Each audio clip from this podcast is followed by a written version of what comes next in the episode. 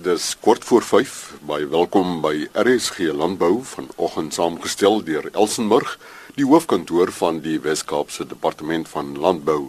Chris Viljoen wat groet met die Grootvaderbos Natuurreservaat, landbouprodukverwerking in landelike gebiede, die aanpasbaarheid van weidingsvariëteite, die nasionale plaaswerkersforum en die droogte situasie in die Noord-Kaap.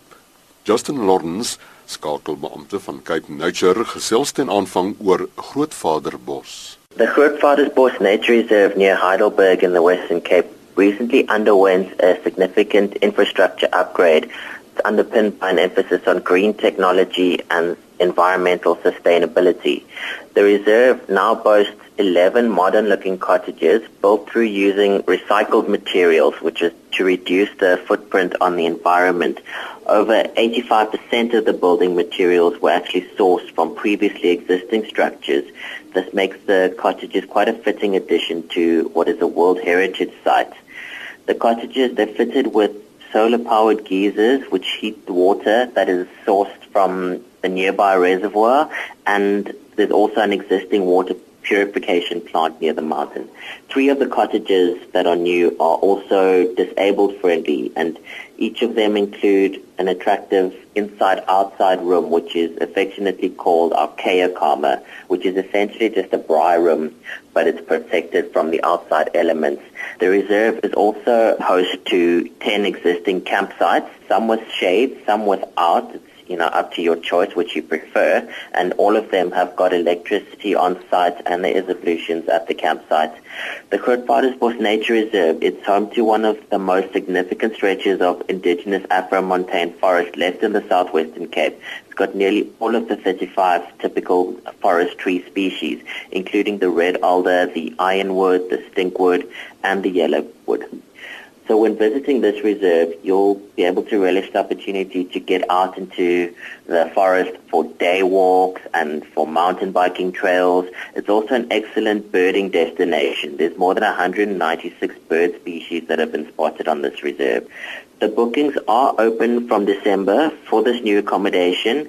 So if you visit www.capenature.co.za, you can find some more information and details on how to book or you can simply book directly with us by calling 021 483 0190. Oor Grootvader Bos Natuurreservaat het gesels Justin Lawrence, skakelbeampte van Cape Nature en die telefoonnommer vir besprekings 021 483 0190. Landbouprodukverwerking in landelike gebiede. Petrus Brits, navorsingsspan bestuurder van LNR Instituut vir Landbou en Ingenieurswese in Pretoria, skets die situasie. Die voordele van produkverwerking vir produsente is uh, eerstens dat eh, 'n uh, groot deel van die verbruikersrand uh, van die produk kom in die boer se sak en dan uh, vervoer die boer net die waardevolle gedeelte van die produk. In ander woorde al die afvalgedeelte, die reste uh, kan op die plaas agterbly. 'n ander aspek is dat deur die produkte verwerk, verhoog dit die houvermoë van die produk en hy kan die vervoer baie beter hanteer want hy is droog of verpak. Net om 'n paar voorbeelde te noem van uh, produkte wat verwerk kan word uh, op die plaas is uh, byvoorbeeld uh, melkprodukte. Ons dink aan langlewe melk, uh, jy maak van jogurt, kaas en dan die droging van vrugte en groente.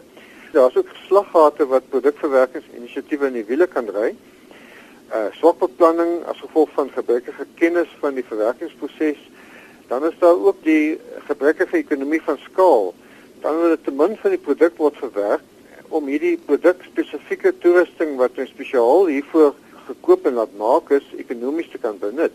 Daar is spesifieke faktore wat produsente in ag moet neem. Eerstens moet die terrein geskik wees, uh, daar moet infrastruktuur wees, uh, voldoende elektriese kragvoorsiening en voldoende water. Dan ander aspek is natuurlik uh, goeie kwaliteitsversekering in die verwerkingsproses. Ek dink in Engels noem hulle dit HACCP, HACCP. En dan natuurlik ook die eerste as die nasporing van die oorsprong van die insette. Hulle noem dit traceability. Uh weet as daar fout gaan in die produk, mens altyd kan uitvind waar was die oorsaak van die probleem gewees. Uh dan 'n uh, ander aspek wat in ag geneem moet word is goed opgeleide personeel en ook goeie bestuurstoesighouding. Die produsent kan nie self die trekker bestuur en ook uh, die verwerkingsaanleg bestuur terselfdertyd nie. Die vooruitsigte vir produkverwerking in Suid-Afrika is baie goed. Daar is heelwat geleenthede wat nog nie ontgin is nie. Produkverwerking bevorder ook uh, voedselsekerheid. So as ons 'n voorraad van verwerkte produkte kan opbou, sal dit ons deur die maajare kan dra. Uh, ons hier by die Landbou Navorsingsraad het 'n spesifieke rol om te speel in die land, uh, spesifiek in hierdie aspek van uh, produkverwerking. Uh, die LNR as nasionale landbou navorsingsinstansie kan 'n holistiese navorsingsdiens lewer aan Suid-Afrika wat pasgemaak is vir plaaslike toestande. Ek kan gekontak word uh, by die e-posadres Brits P hier, is B R I T Z P hier by arc.agric.agric.za. Die navorsingsspan bestuurder van LNR Illy, Petrus Brits en sy e-pos brits.pj@arc.agric.za.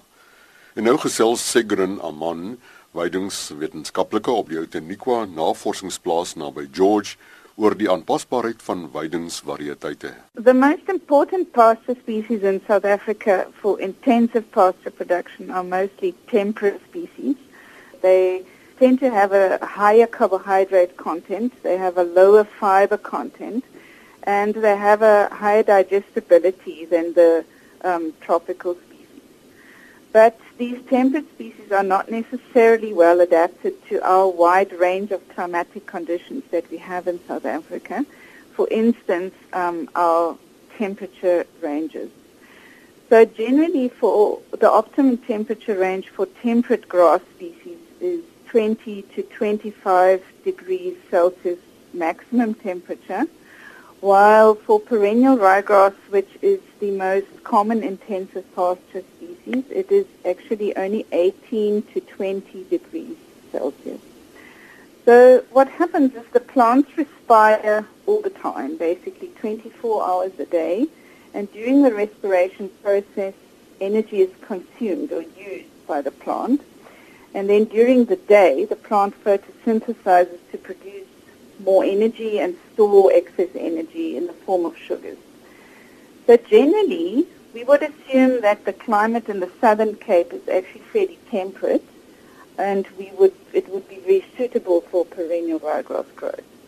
But if we look at the temperature data for the George Research Station, um, it became apparent to me that during the period of December to March, for instance, there are often extended periods where sometimes for as long as five weeks at a time, the minimum temperature is around 18 degrees or above 18 degrees.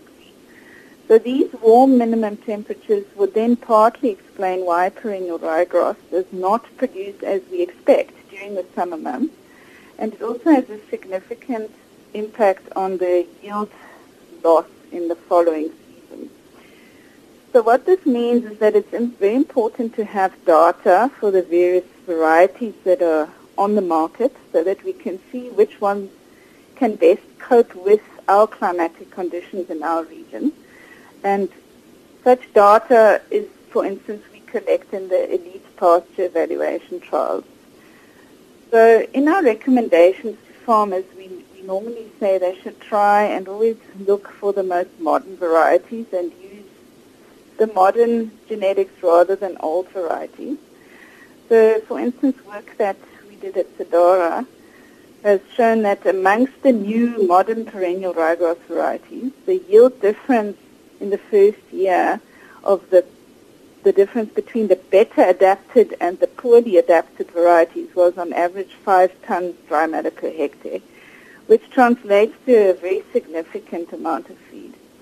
So again, this highlights the importance of having local data um, for our local conditions. Sigrin Aman, weidingswetenskaplike op die Outeniqua Navorsingsplaas, haar e-posadres sigrin s i g r u n a by elsenburg.com.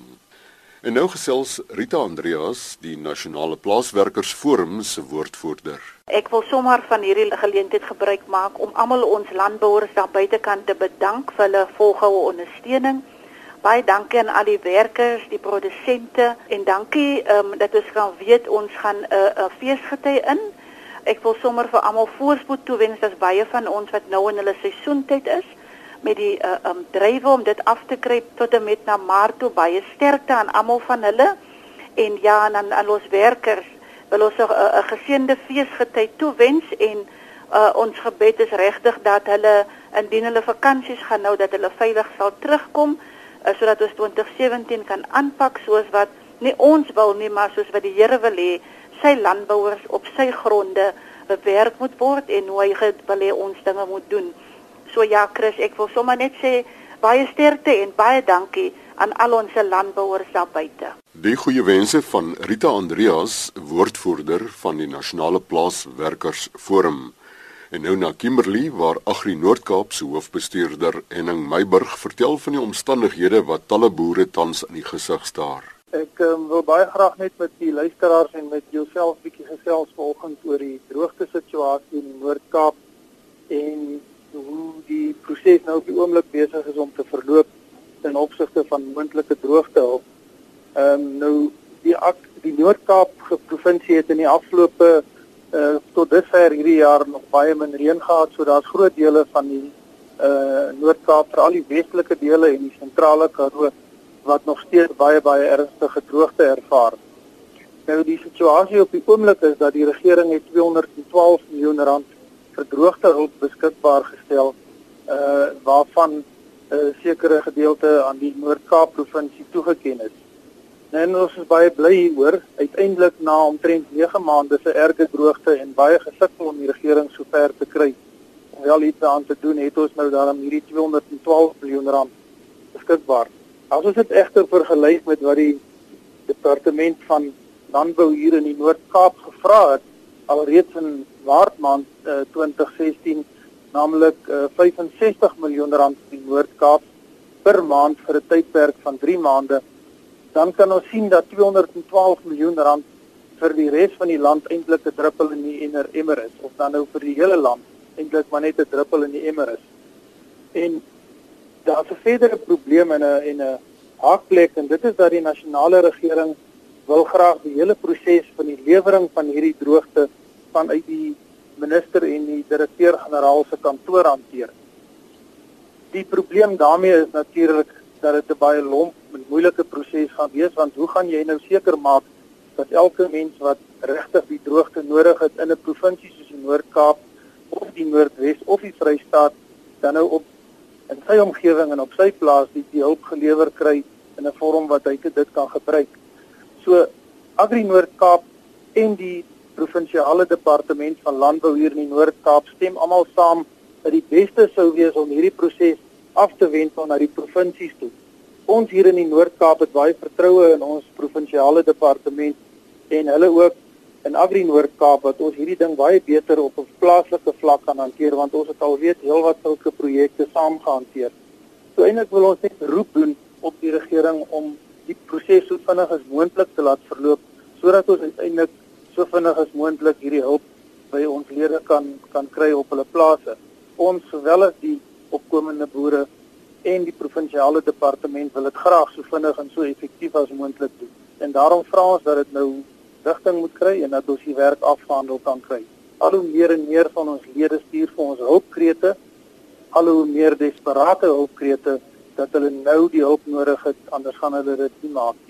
Die hoofbestuurder van Agri Noord-Kaap, Henning Meiburg Navorsing op Grootfontein in die Karoo in RSG Landbou môreoggend om kort voor 12 draai ons die horlosie terug na 1949. Die horlosietempel was gemeet deur 'n staalpen van omtrent 'n meter en 'n kwart in die grond in te slaan tot jy hom meer kan inslaan nie. In die top van daai pen was die basispunt waar jy rondom hom kom meet met 'n teodoliet om te sien hoe die oppervlakte sak of toeneem.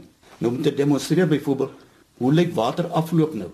Ek het daar so sê net maar in jou tyd 'n 44 gallon drom gehad, maak jy hom vol water, sit jy hom op pote, dan sit jy hom in hy graskamp, dan stamp jy hom om en uiteindelik weet jy die grootte van die natkol. Dieselfde nou, daar by die bossiekant waar hy nou geërodeer het, loop hy baie vir die kol is baie groter nat by die infiltrasie. en die afloop van die water is soveel groter.